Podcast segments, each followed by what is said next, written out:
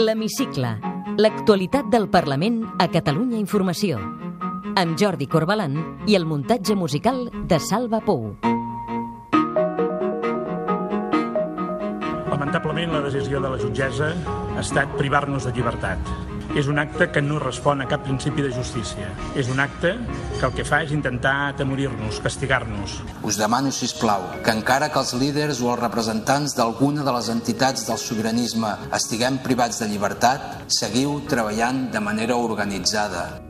L'intercanvi de cartes entre Puigdemont i Rajoy, preludi de l'activació de l'article 155 i l'empresonament dels líders de les entitats sobiranistes, Jordi Cuixart i Jordi Sánchez, marquen una setmana d'intensíssima activitat política. Això passava mentre el Parlament, el ple previst per aquesta setmana, ha quedat en suspens. Els independentistes exploren l'escenari per votar la declaració d'independència. Benvinguts a l'Hemicicle. L'Hemicicle. L'actualitat del Parlament a Catalunya Informació. L'oferiment de diàleg de Puigdemont i l'afirmació que el Parlament no va votar la independència no convencen el govern espanyol que activa el 155. Se han saltado la ley. Y el imperio de la ley es uno de los principios básicos de la Unión Europea.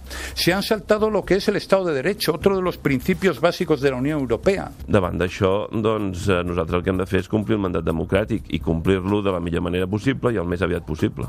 Al Parlament, Junts pel Sí i la CUP intensifiquen les reunions perquè el ple voti la declaració d'independència. Estem treballant de manera conjunta amb el grup parlamentari de la CUP, Crida Constituent, i de manera pactada, la concreció parlamentària dels efectes dels resultats vinculants del dia 1 d'octubre. Trobaran la república proclamada quan vinguin a per nosaltres. L'empresonament de Jordi Cuixart i Jordi Sánchez provoca reaccions polítiques i socials en forma de mobilitzacions. Espanya entra en la tenebrosa llista dels estats que necessiten tenir presos polítics per sobreviure. No, tenim una decisió d'una jutge que està instruint una causa per sedició i que ha decidit que dues de les persones encausades de moment estiguin en presó provisional no per les seves idees, sinó pels seus actes.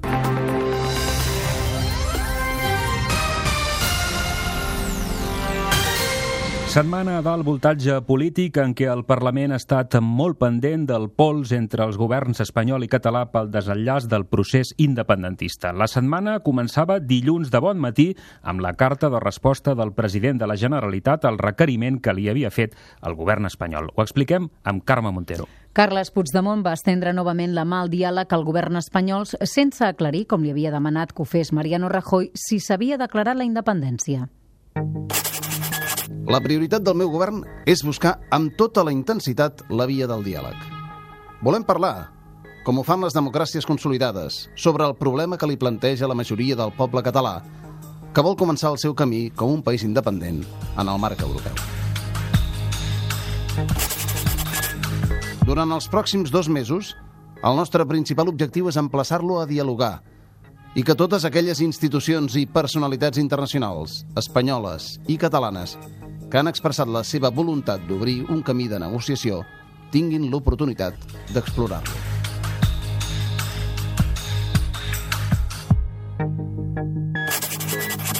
Li demanem que es reverteixi la repressió contra el poble i el govern de Catalunya. La nostra proposta de diàleg és sincera, malgrat tot el que ha passat, però lògicament és incompatible amb l'actual clima de creixent repressió i amenaça.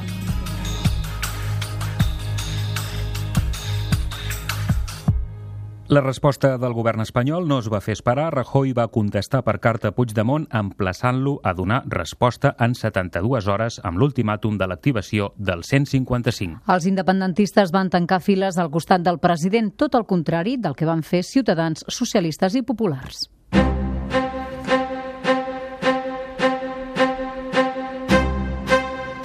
El gobierno lamenta que el presidente de la Generalitat haya decidido no contestar al requerimiento.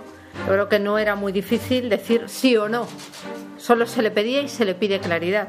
Prolongar la situación de incertidumbre y de confusión deliberada solo favorece a aquellos que pretenden liquidar la concordia cívica e imponer un proyecto radical y empobrecedor en Catalunya. Nosaltres vam expressar que havia de contenir el relat sobretot del que havia passat l'1 d'octubre, que crec que això es compleix en escreix, i que havia de continuar fent el que va fer el president al Parlament, que és dir, miri, tenim un resultat absolutament favorable a la independència de Catalunya, però evidentment volem obrir, obrir una via de diàleg i de negociació amb l'estat espanyol sobre aquest resultat de l'1 d'octubre. Com que no veiem fórmula de que això es desencalli, per tant tenim molt clar que el 155 està ja en procés d'aplicació, nosaltres pensem que la millor forma és que aquest 155 ens agafi proclamats. Creo que esto no se puede mantener más en el tiempo, porque esto es un ataque a la autonomía de Catalunya por parte del presidente de la Generalitat. Manifestava decepció dels socialistes catalans per la resposta que ha donat el president Puigdemont. S'estan posant en risc les institucions de Catalunya, l'economia de Catalunya i la convivència a Catalunya. Que la resposta a aquesta oferta d'obertura de diàleg és una resposta que es fa activant el 155. Que dius, home, no és la millor manera de fer-ho. No hace falta ilegalizar partidos políticos. Lo que sí que hace falta es no poder presentarse con proyectos para romper y para separar a España en unas elecciones democráticas. L'Hemicicle. L'actualitat del Parlament a Catalunya Informació. El mateix dilluns, a l'Audiència Nacional estaven citats a declarar com a imputats el major dels Mossos, Josep Lluís Trapero, la intendent Teresa Laplana i els dirigents d'Òmnium i l'Assemblea Jordi Cuixart i Jordi Sánchez. Els responsables dels Mossos van quedar en llibertat amb mesures cautelars, però la jutge Carmen Lamela va decretar presó provisional per a Sánchez i Cuixart acusats de delicte de sedició per les mobilitzacions davant la Conselleria d'Economia. La resposta política i social va ser immediata. El Parlament, Junts pel Sí i la CUP reprenien els contactes per fer una declaració d'independència, mentre que des del Partit Popular es defensava l'actuació de la justícia. Sánchez i Cuixart van deixar enregistrat un missatge que es va difondre poc abans que entressin a la presó de Soto del Real.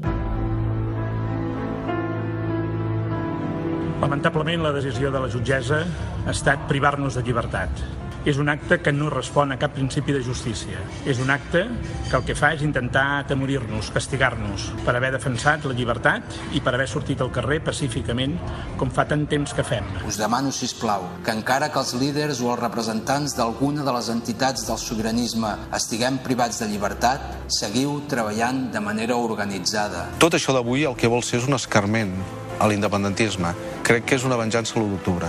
I això en un estat que es diu democràtic al segle XXI és inacceptable. Políticament és una nit nefasta. Crec que s'està cometent un error en mayúscules. És una barbaritat el que ha passat avui. Considerem que l'existència de presos polítics no té cabuda en l'actual Unió Europea. Ni a Catalunya ni a Espanya eh, s'empresona ningú per les seves idees. I, evidentment, ni el president d'Òmnium ni el president de l'Assemblea Nacional de Catalunya són presos polítics per dos motius. Perquè a Espanya i a Catalunya no hi ha presos polítics i el segon, perquè tant el senyor president d'Òmnium Cultural com el de l'ANC no són polítics. No els ha votat ningú.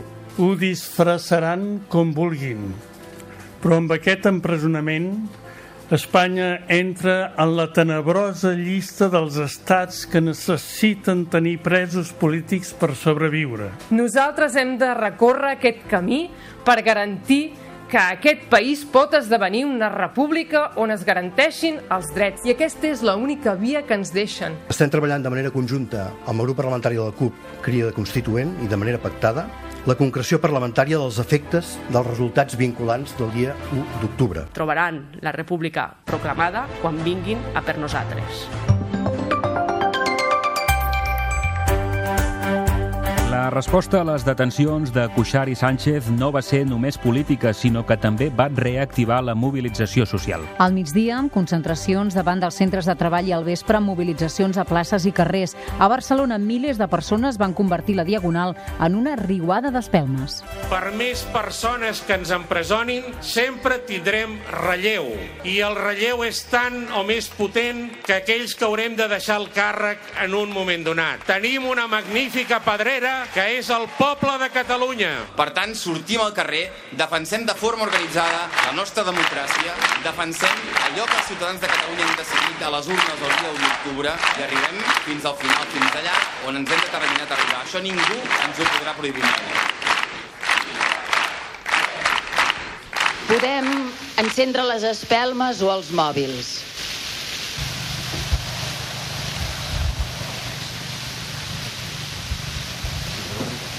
La imatge és espectacular, Kilian. I la imatge sonora que l'acompanya encara més. Eh, deixant les espelmes aquí. Et veig ajupida, amb un ciri a la mà, Sí. i deixant l'espelma al terra. Sí. Pues com un, un, un homenatge. Què volen aquesta gent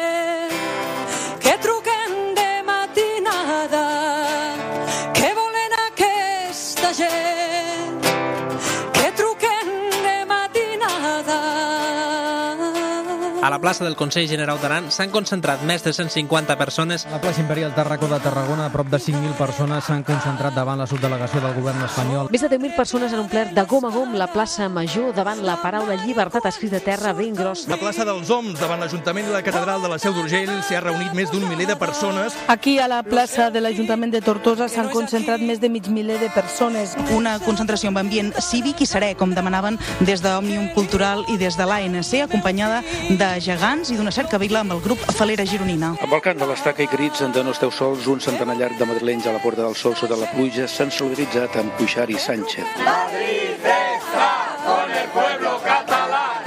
Jordis libertad, Jordis libertad. Matinada.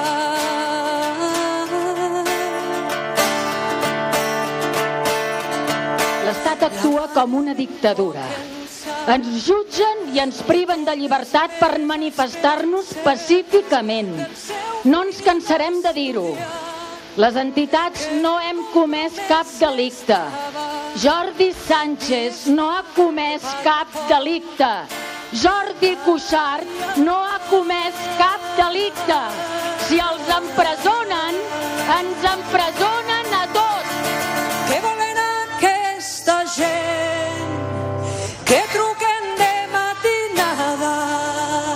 L'hemicicle. Dijous a les 10 del matí vencia el segon termini perquè el president de la Generalitat respongués al requeriment del govern espanyol. El mateix Rajoy, però també socialistes i ciutadans, l'emplaçaven a la vigília perquè contestés que no havia declarat la independència.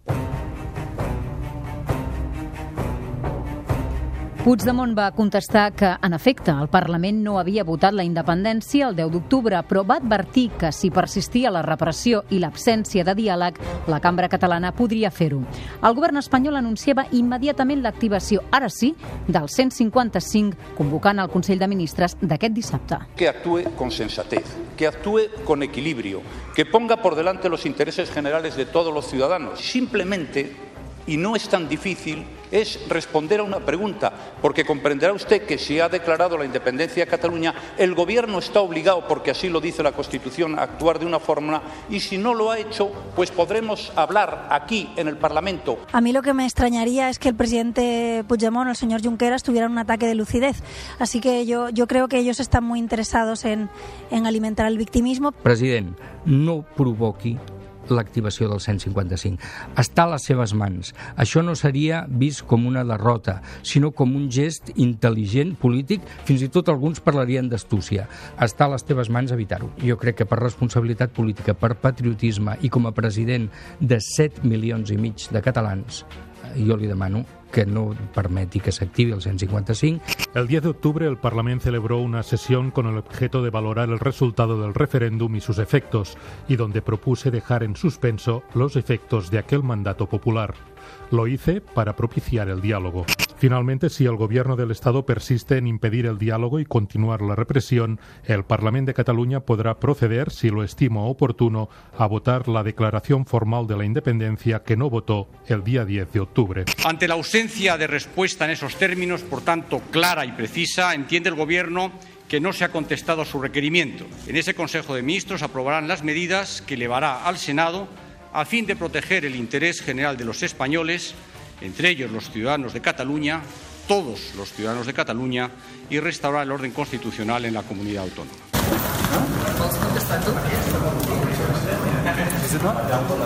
Feina de parlamentari, per això estem aquí.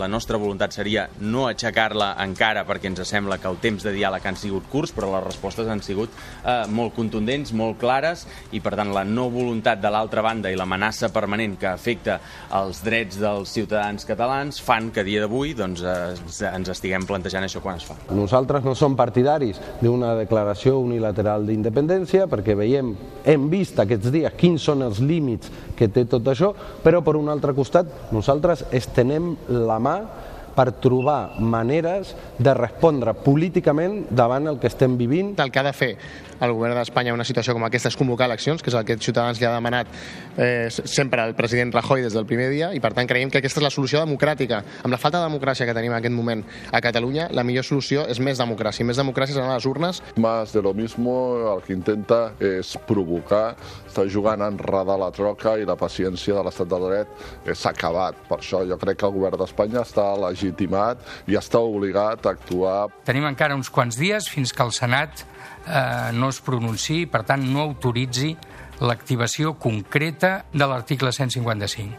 I nosaltres ens adrecem als dos governs demanant que esgotin fins al límit les possibilitats de diàleg. Doncs Junts pel Sí i la CUP han intensificat aquestes últimes hores al Parlament els contactes per concretar l'escenari de la declaració d'independència. Els grups independentistes valoren l'opció de votar una resolució en el context d'un debat de política general o d'un ple específic monogràfic. De fet, l'article 151 del reglament del Parlament preveu que a l'inici dels períodes de sessions es convoqui un debat de política general, que aquest any encara no s'ha fet. Per dilluns hi ha convocada una reunió de la Junta de Portaveus, que és l'òrgan parlamentari encarregat de fixar la data i l'ordre del dia dels plens. Dilluns passat, la Junta de Portaveus va deixar en suspens el ple ordinari que estava fixat per aquesta setmana. La decisió de Junts pel Sí i la CUP va irritar l'oposició. Ciutadans ha presentat un recurs d'empara al Tribunal Constitucional perquè entén que la inactivitat del Parlament vulnera el dret de la representació política, ja que impedeix controlar el govern. L'Hemicicle. El Parlament a Catalunya Informació. I sense deixar l'àmbit judicial, el Tribunal Superior de Justícia de Catalunya ha rebutjat aquesta setmana el recurs de súplica de la presidenta del Parlament i avala que se la continuï investigant per haver permès l'aprovació al Parlament de la llei del referèndum i la de transitorietat jurídica. En el seu escrit, la sala remarca que Carme Forcadell no es pot emparar en la inviolabilitat parlamentària per justificar una conducta que està fora de la llei. Els magistrats recorden que el Tribunal Constitucional va advertir als membres de la mesa del Parlament, ara querellats, que podrien incórrer en responsabilitats penals si tiraven endavant amb la tramitació de les anomenades lleis de desconnexió. La sala civil i penal, a més del recurs de Forcadell, ha desestimat els que van presentar els altres membres sobiranistes de la mesa i també el representant de Catalunya sí que es pot. I la companyia d'assegurances de la Caixa ha trencat unilateralment l'assegurança de responsabilitat civil que tenia contractada al Parlament pel risc que representen els últims esdeveniments a Catalunya. Segur Caixa Desles ha comunicat al Parlament que rescindeix unilateralment i de manera immediata la pòlissa que cobria eventuals danys a l'interior de l'edifici. El Parlament estudia emprendre accions jurídiques contra l'asseguradora. Podeu tornar a escoltar l'Hemicicle al web catradio.cat barra hemicicle i seguir l'actualitat del Parlament a través del Twitter a arroba hemicicle i arroba cati-política.